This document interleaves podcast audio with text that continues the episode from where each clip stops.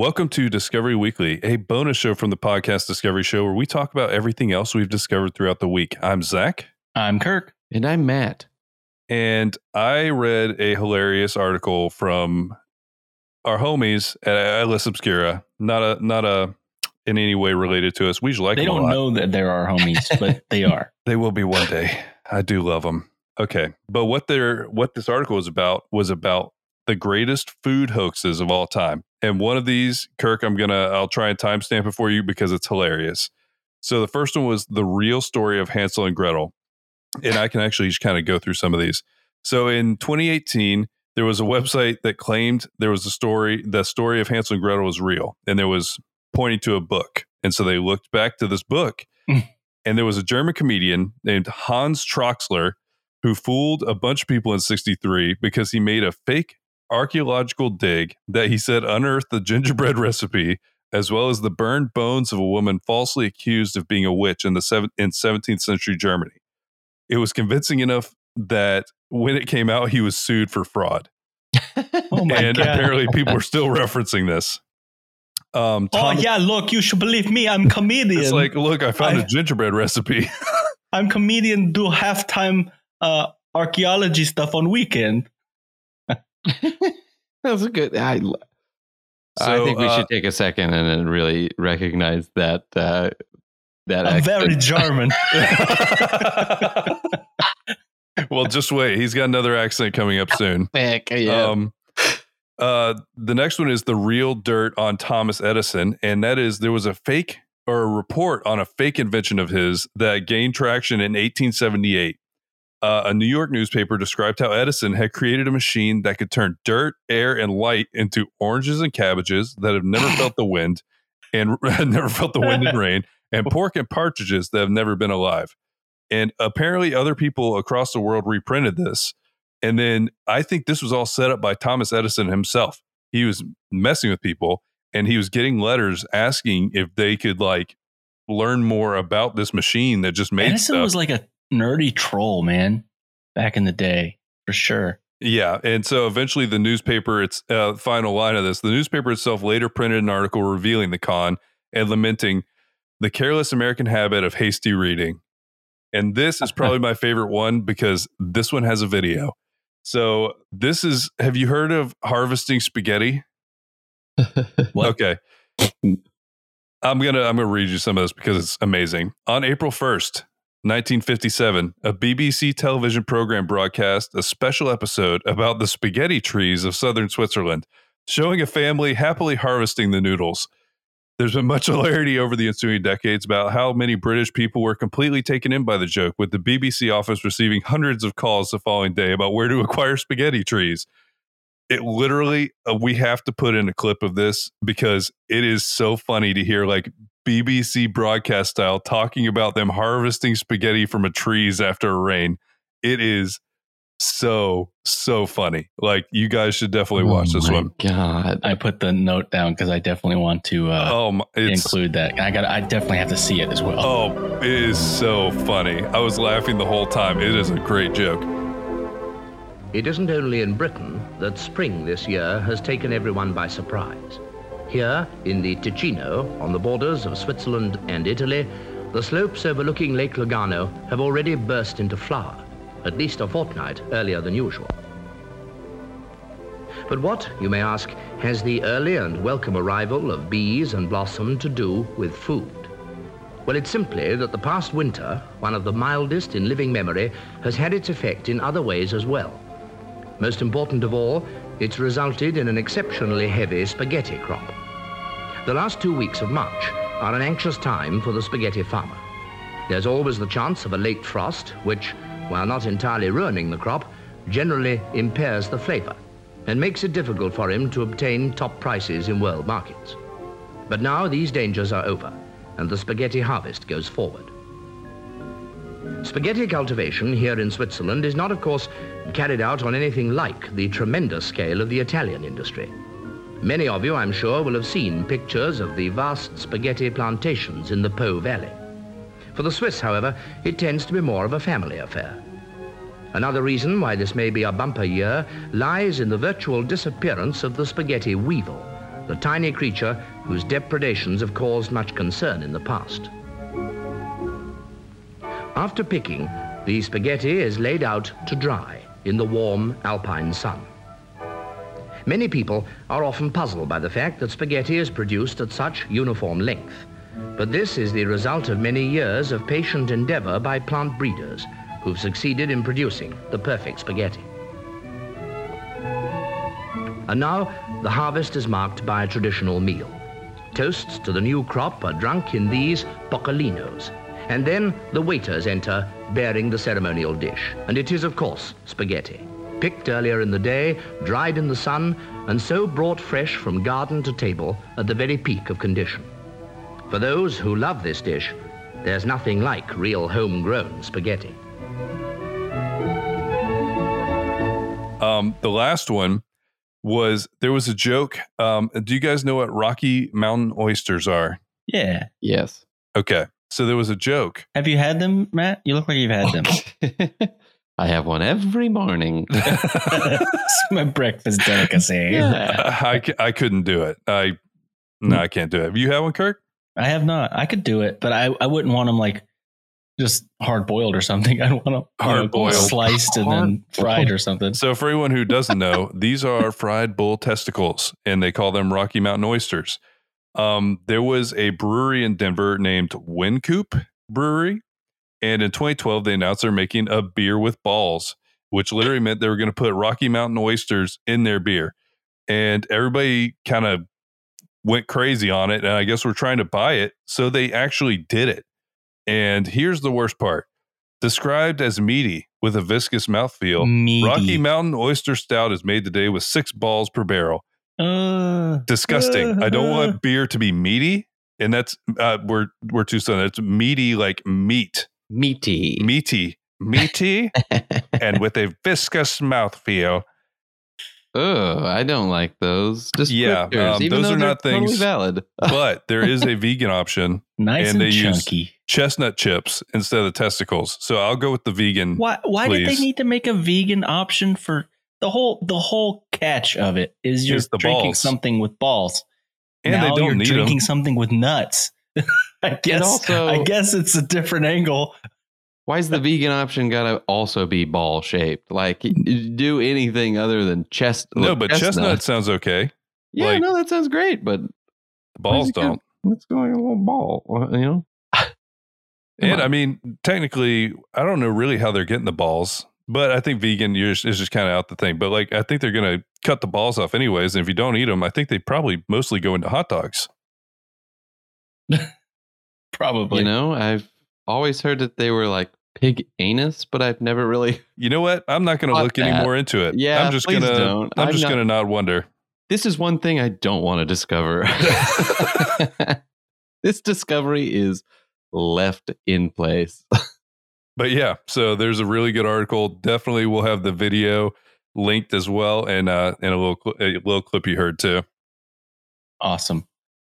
I found this story um, about a historical badass, and his name was Carl Akeley. He was an artist, photographer, inventor, and conservationist, and the preeminent taxidermist of his day. Uh, and the thing that stood out to me was the headline which here's the headline killing a leopard with his bare hands was only the beginning for this badass that was the big that was the headline and so i was like okay i got to hear the story of how this guy killed a leopard with his bare hands and how is there more to the, to to this man than that like how is that not his That's a pretty defining intense moment. taxidermist. Usually, they just take an already dead animal. yeah uh, but after he killed a leopard by thrusting his right hand into the animal's mouth and choking it to death with his left he was forever to be remembered chiefly for that 1986 encounter. Also, when I read that, I was like, wait, this is exactly what they talked about on that stupid podcast that we talked Yes, about. it with, is. Uh, this is important. I think they immediately talked about touching the animal's dick afterwards, but yeah, they did talk about this first. they talked about, and I think it was Blake that was talking about, yeah, they say you got to stick your hand down its throat because that's exactly how this guy got away. Anyway, I want to tell you about this guy as well because after reading about it, this guy was I mean, it was crazy. This guy's a crazy guy. He did a lot of things. Um, so he was actually the guy that started the taxidermy movement where like let's say you go to the National History Museum and there's a bunch of different animals like with a landscape and stuff. He's the one that invented that. Before that, it was just like a head of an animal on a board and that was it. Like there was no creativity to it. It was just that. And um he he actually killed a lot of the animals that he taxidermied for all of these historic societies and stuff like that. But he's never really like liked hunting. He just did it because it was part of his job. He needed to do it to get the animals for the taxidermy. That is brutal. Uh, he he he has so many quotes about like about not liking hunting. Uh, Here, here's one of them. He says, "While I have found a little bit of enjoyment in shooting any kind of animal, no, he said, but little enjoyment in shooting any kind of Oh, animal. okay. Yeah, sorry. very different with that Yeah, one so- word. I confess that in hunting elephants and lions under certain conditions, I have always felt that the animal had sufficient chance in the game to make it something like a sporting proposition. On the other hand, much of the shooting that I had to do in order to obtain specimens for museum collections has had none of this aspect at all and has made me feel a great deal like a murderer.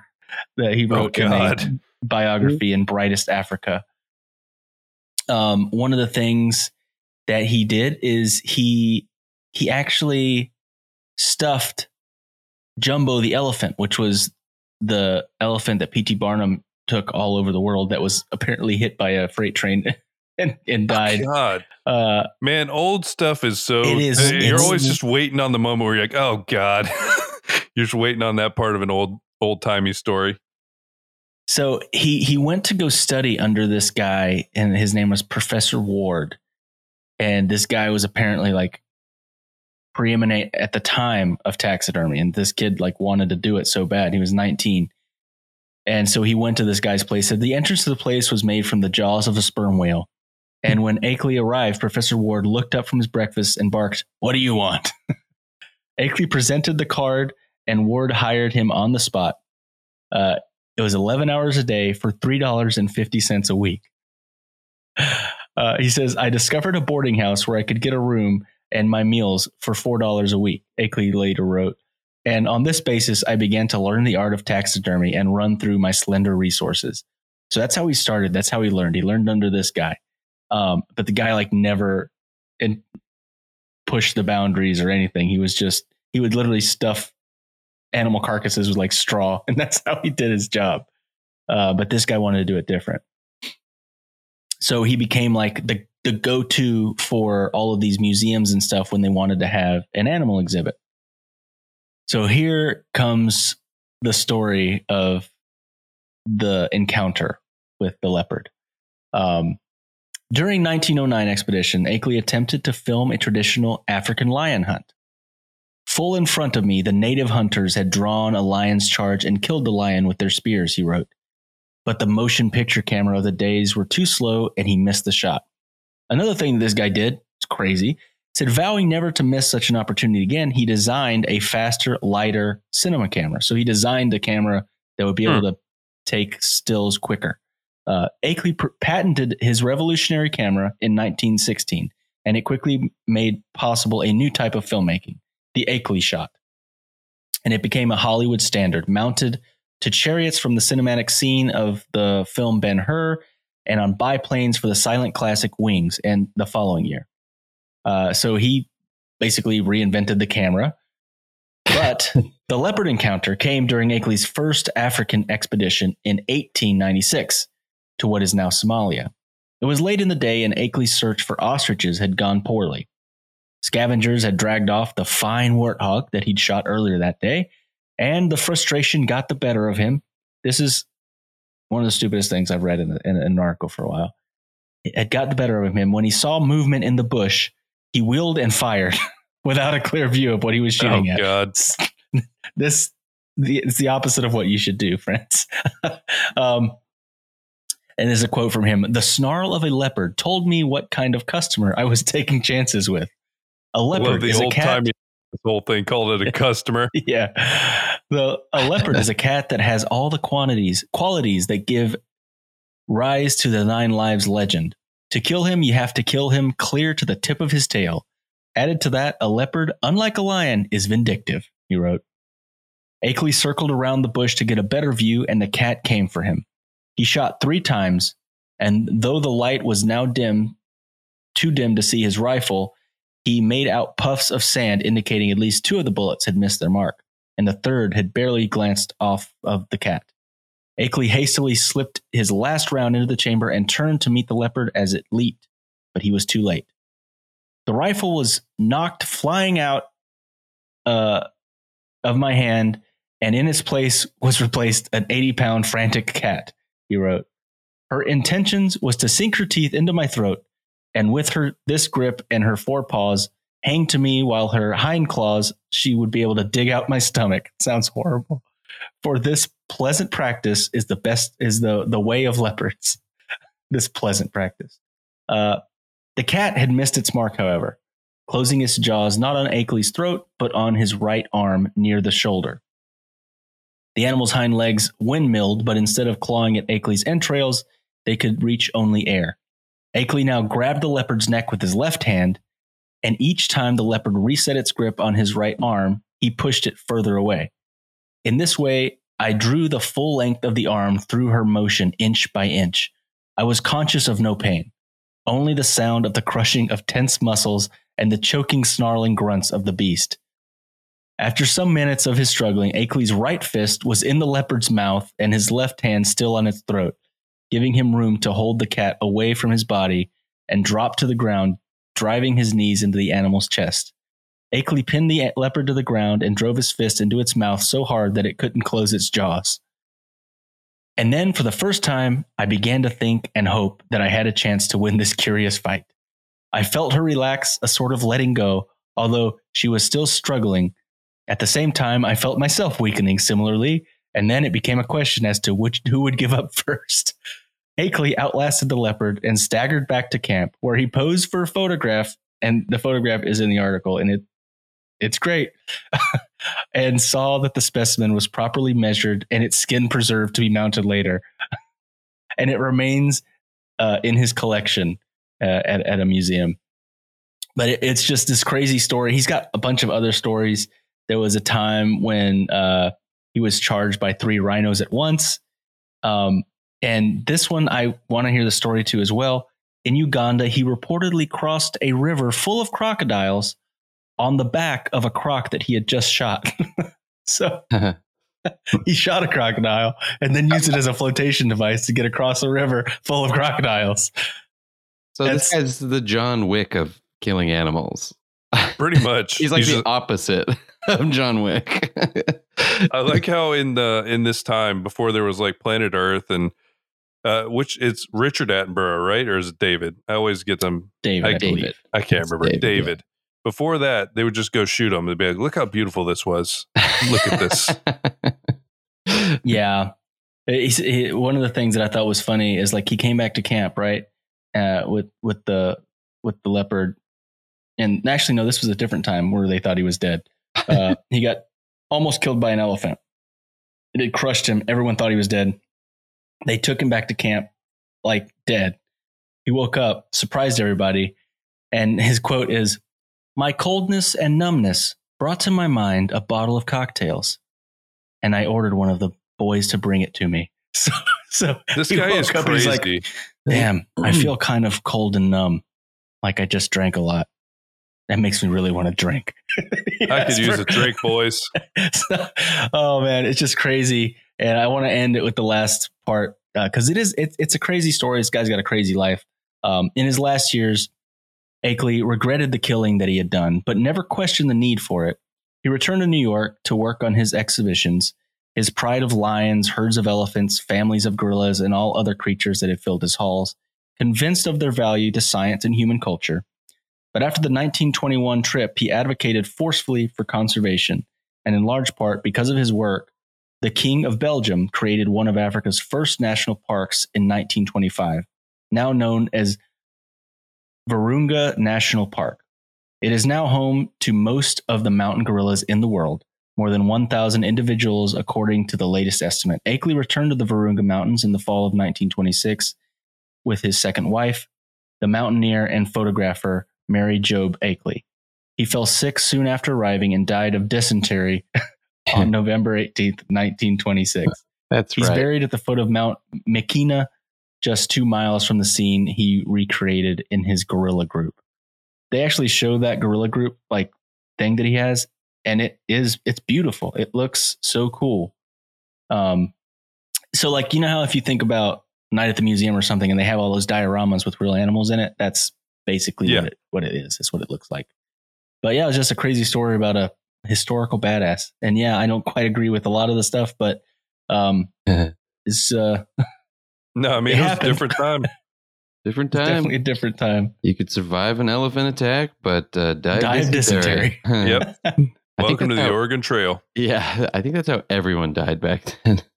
Dysentery. Um, well, uh, I pivoted mine to uh, a different type of badass, um, a fictional yet somewhat historical badass. Um, I think I've brought this up with you guys before, but I don't not on the pod. Uh, I am going to talk about FDR, American Badass, a great film uh, that came out in 2012.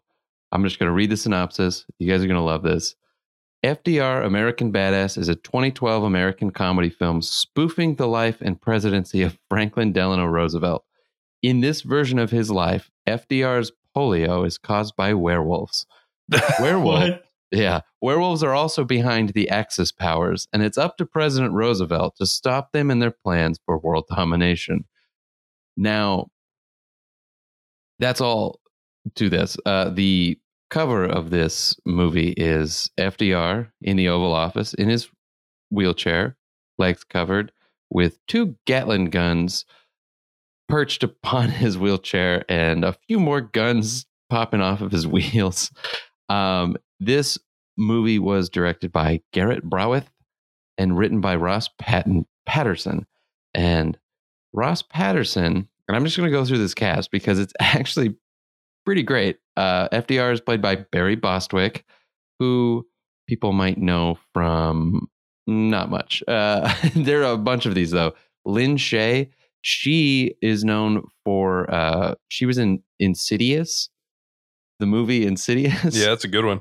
Yeah, she. I think she was a mother or something. Uh, Bruce McGill. You might know Bruce McGill from Collateral, a bunch of Michael Mann movies. Uh, you'd recognize all of these people too. Kevin Sorbo plays Abraham Lincoln. Oh God, Ray. Wise. You guys, you guys know Ray Wise, right? The Yeah. dad in Twin Peaks. Yep, Why is plays- Lincoln in it? I don't. I don't know. it's the crossover with this and Abraham Lincoln Vampire Hunter. Yeah, it was actually yeah. The the same director did uh, Abraham Lincoln Vampire Hunter. Uh, really, this guy's whole thing is like weird alternate history for presidents. Yep. Um, Isn't this based off books? I think there's a book series where he's I written books about so. all of these. um, and Ross Patterson actually wrote the wrote the book, and he he's he's got a great character in the in the movie. It's just like a an old southern gentleman who's like dr- constantly drinking juleps, but he uh, is absolutely plastered the whole time. it's very funny. Um, but Ray Wise plays Douglas MacArthur, uh, in parentheses Dougie Mac, as he's called in the movie. Um, who do we, who else do we Dougie have? We have Richard Riehle, who you might know from The Fugitive, Casino, Lethal Weapon, and he plays Senator Bronson. Paul Ben Victor is from HBO's The Wire, and he plays Mussolini. We have Keri Lynn Pratt, who is in Drive Me Crazy. A bunch of a bunch of people that you would recognize, which is crazy. Uh, Dion Richard plays George. Uh, none of these other people are. So I, I googled the movie and then I looked at just the images. This movie looks horrible. it's Like so bad. it It looks is- so bad. it's like a bad movie, but it's the like the think of it like the Princess Bride. Uh, Like the bits and the comedy stuff is eh, is primo like Have you watched it? comedy stuff. Oh yeah. Oh, it's phenomenal. it's a great movie. The bits and the things are just Oh man. so good. Franklin No, I do I do recognize a lot of these actors. That's what I'm saying. I would not know them by name because No. I'm not I don't know a lot of actors' names, period. But a lot of these in the IMDb, I, I know who they are from other stuff. I highly recommend this as a watch. Uh, I think it's available on YouTube and probably Amazon Prime. One that I would not recommend as a watch that you know this reminds me of that I watched just last night and finished it this morning. Uh, I rewatched or tried to rewatch.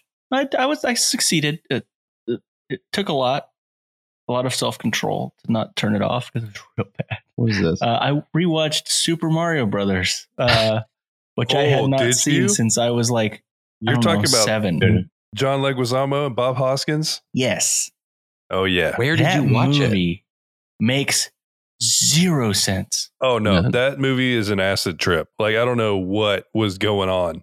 like there are some scenes that lasted so long and you're like what is happening this doesn't make any sense they didn't they don't give any context like No, and Dennis uh, Hopper is Bowser. Like Yeah. they got actual people to commit to this. it's it's crazy it's it's it's really crazy and it's really not good it's just not good Where did you watch it? I just watched it at home Yeah, i just No, watched it you say home. where did you Yeah, find 'cause it? I like could not find it. Like I was, I could not find Oh. a single thing. okay, he, well we found it on the internet. Okay. I just wasn't sure if it was like No, it's I not any. searched I don't think any streamers are uh, paying for that right now. Well, I think because I, I I looked into it in Disney pull or uh yeah was it Disney who i whoever don't made it think it was it was a weird maker or Who, or no no no production company. Nintendo I'm an idiot uh Nintendo pulled it and like kept it off of everything because they were like Oh, only yeah? after it came out only after it received such controversy like what the hell was that I read up on it it was like it was a everybody really liked it at Nintendo. They were like, "Great job, great job, everybody!" And then everybody made fun of it, and it was like, "We can't have this out here."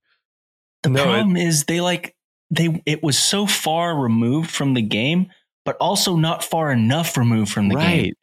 It's like they found this weird middle ground and it was just so stupid. There's a there's a whole scene where like they're talking to this giant like mushroom for the longest time. And it's just like this slimy fungus. And it's really weird I- it's it's just really bad the whole movie is really bad the graphics are horrible um I think it's, It's- fun to it's watch. really though. bad. It really makes me want to watch it. You describing it right now because I definitely it was so bad that it wasn't as fun to watch as i thought it was going to be I just love hearing. it was fun John, though to a certain yeah, extent I love hearing John Leguizamo be like Mario, like My name's Mario, what Luigi Mario." doing?" and he's mario mario or Oh, whatever it was Man, that's a good one. Yeah, because even in that movie, they're not actually brothers. When Nintendo lore or whatever, they are brothers. So it's it's it didn't even go along with like the established canon It of made no sense. Mario. Goombas are not dinosaurs, and They're yet not- here they are, tiny-headed giant things. that and was Yoshi looks like a raptor from Jurassic Park, yes, one hundred percent. But a Well- baby version of it. I will leave. Uh, I, I was looking this up because I want to see some of the people that were in it and like all of this stuff and like who wrote it and all that. But I'll just leave you with this line uh, before we take a quick break.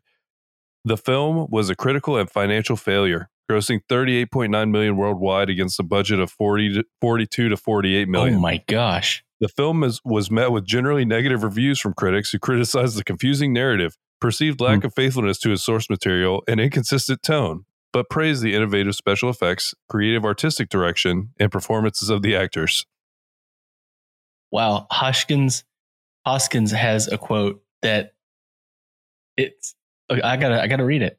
Um, in 2007 interview, Hoskins said, "The worst thing I ever did, Super Mario Brothers. It was an effing nightmare. The whole experience was a nightmare. It had a husband and wife team directing, whose arrogance had been mistaken for talent. After so many weeks, their own agent told them to get the f off the set. Effing nightmare. Effing idiots. Oh, God.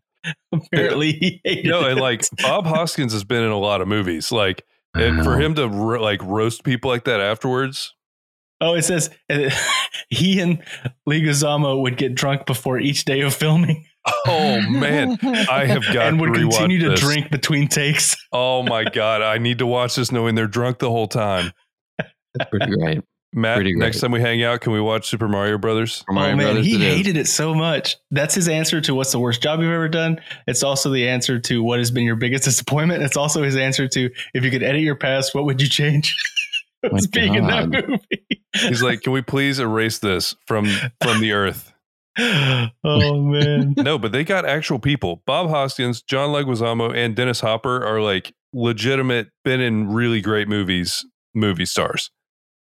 Yeah, sorry to, to Bogart your uh, No, your let's- discovery, let's call but that a I was just thinking of another ridiculous movie. I'll that I always just, talk about Super Mario Bros. Yeah, it's a twofer. You get FDR American Badass and a, a little too much about Super Mario Brothers because anything about Super Mario Brothers is a little too much. Yeah, yeah, pretty much. So I found, and I'll, I'll actually throw a shout out to, uh, since the world has been heavy for the past three years, um, I try to find something uplifting for each one of these if I can. And there's a website that does a great job of that. They're called Good News Network, and they just look for positive stories. And I found a cool one. There is a nonprofit that made a $500 million commitment to uh, preserve biodiversity. And in six, months, six months later, the Rainforest Trust and its partners have already protected more than 1 million acres of habitat in 2022. And so this is a, a nonprofit that their entire goal is to, with their partners with donations, protect as much rainforest and wildlife habitats for endangered animals as possible. And they have absolutely crushed it so far. They are they're basically trying to do 125 million more acres by 2025. And 99% of the forests that have been protected so far by the Rainforest Trust are still there today, where deforestation of the rainforest is extremely prevalent right now because there that land just gets developed. And I, I think I was kind of brought onto this because one of the things um, I was learning about in class was that this is like one of the most important ecosystems for a carbon sink.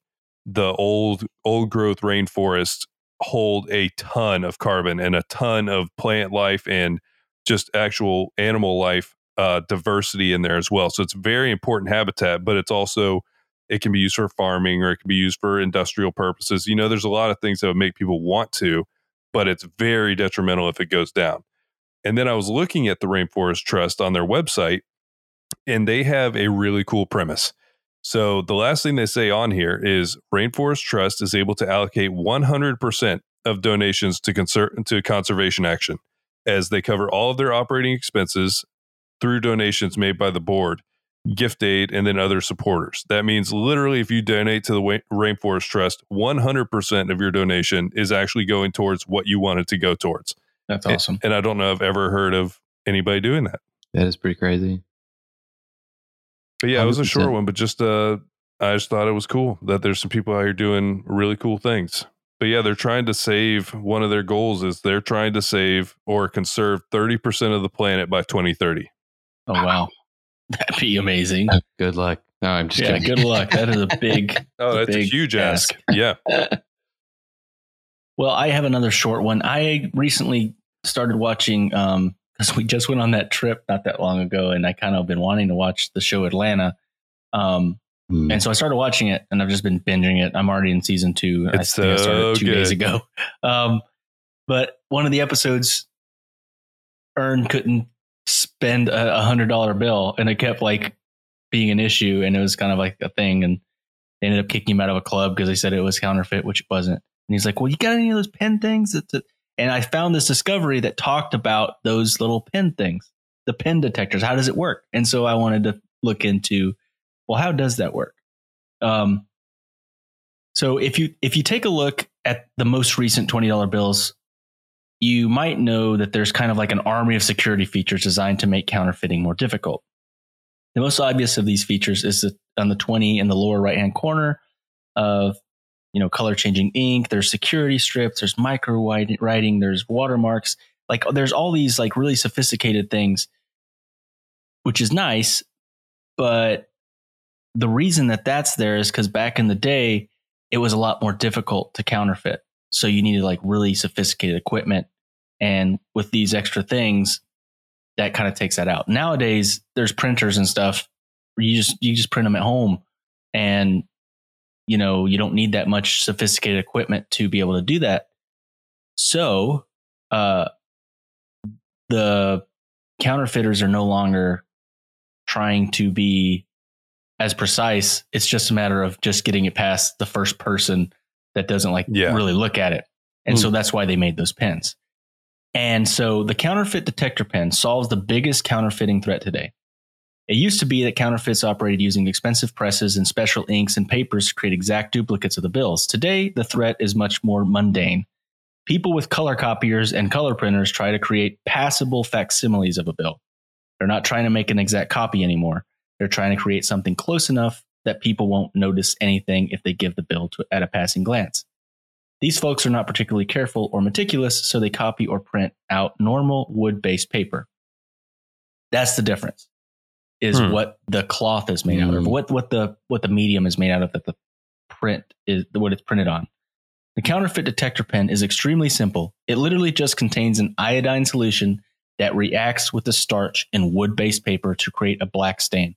So if you write on a fake with that pen, it turns black Oh, like a pen, like you like you wrote on them with a marker. Hmm. Whereas if you've noticed, if you do it with a real one, it just kind of stays yellow. It doesn't doesn't stain the the bill, and so that's it. That's all it is. It's just an iodine solution, which I thought was just really crazy because uh, it's really simple.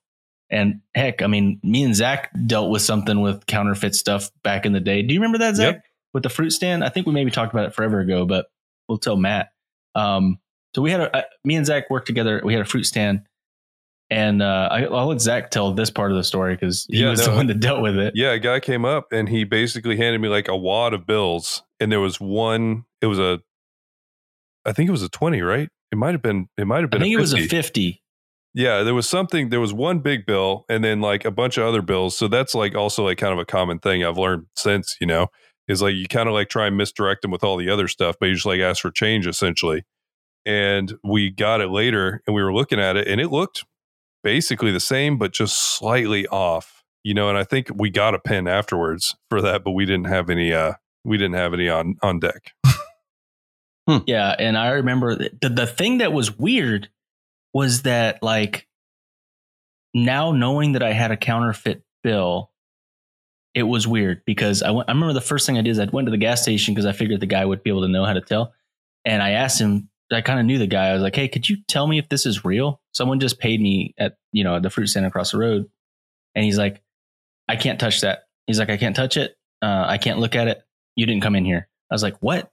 He's like, yeah, it's, it's just weird. Like, and I went to the bank and they're like, we can't do, like, you can't do anything. It's like illegal for you to even talk about you having a bill that someone Yeah. gave you that's counterfeit. No, you're like Hmm. SOL as soon I as ended up as having soon to as like you get call, call a cop and be like, hey, what do I do with this? Like, either like, he's like, if you really want to do it the right way or whatever, you got to like go call the FBI or this weird shit. And I was not going to do that. He's like, just, uh, just burn it or throw it away. he's like, cause yeah, uh, there's, it's really weird. It's a really weird. Yeah, that's the thing is thing. counterfeiting is like federally. Yeah. they're they're sending the so feds. it's like scary. Yeah. Wow. I did not know that. Um, other things I didn't know. Nailed it.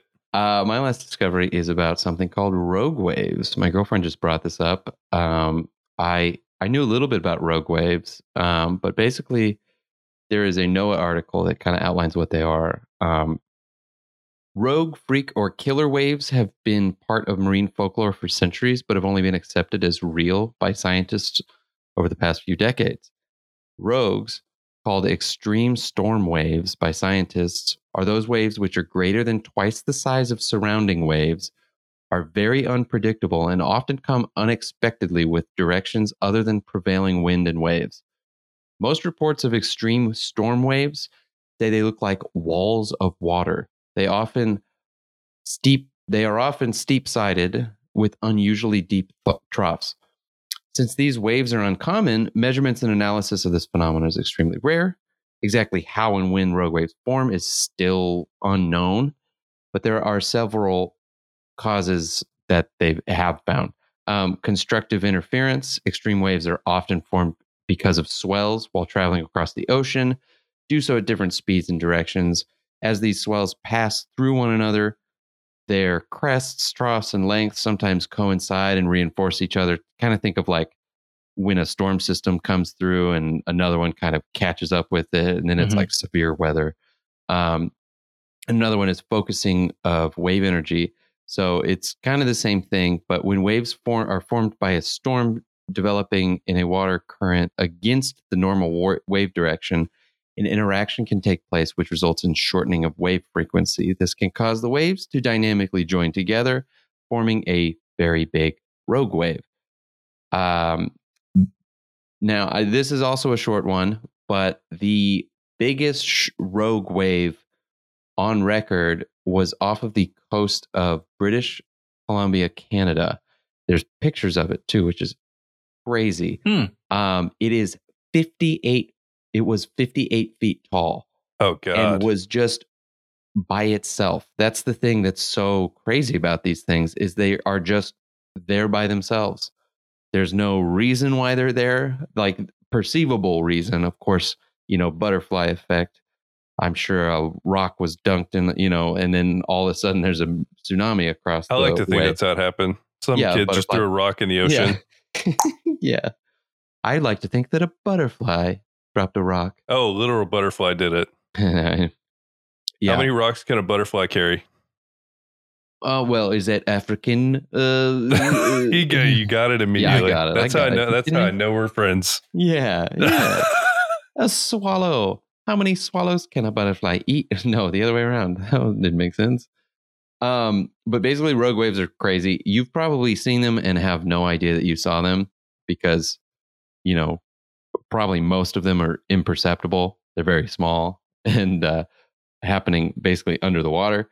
But basically, the way waves work, if you know, is uh, you really only notice waves when they start to crest the white caps. You know, when they they're the uh, length of them. I can't think of all the all the vocab, but it it's going through the energy, and as soon as the bottom part of the wave hits uh, the sea floor, it affects the top of the wave, and it starts to come in on itself. It's kind of weird to think of a wave weird. like having like Hmm. a structure all the way to the floor of the. That's just weird. to it's think weird uh, and you think about sound waves it's the exact same thing you know that that zero decibel uh, thing like you see Mhm, a, a mhm. waveform and the the whole thing goes up and down we we measure those waves based off of the positive over Mm, decibel stuff but there's below and it's exactly mirrored so when it peaks that's basically when it would be cresting you know pretty fascinating but rogue waves keep an eye out for them Uh, check them out. All right. Well, I think that's it for us this week. But thank you so much for listening. Thanks, guys. Talk to you Thanks. later. bye bye. Bye.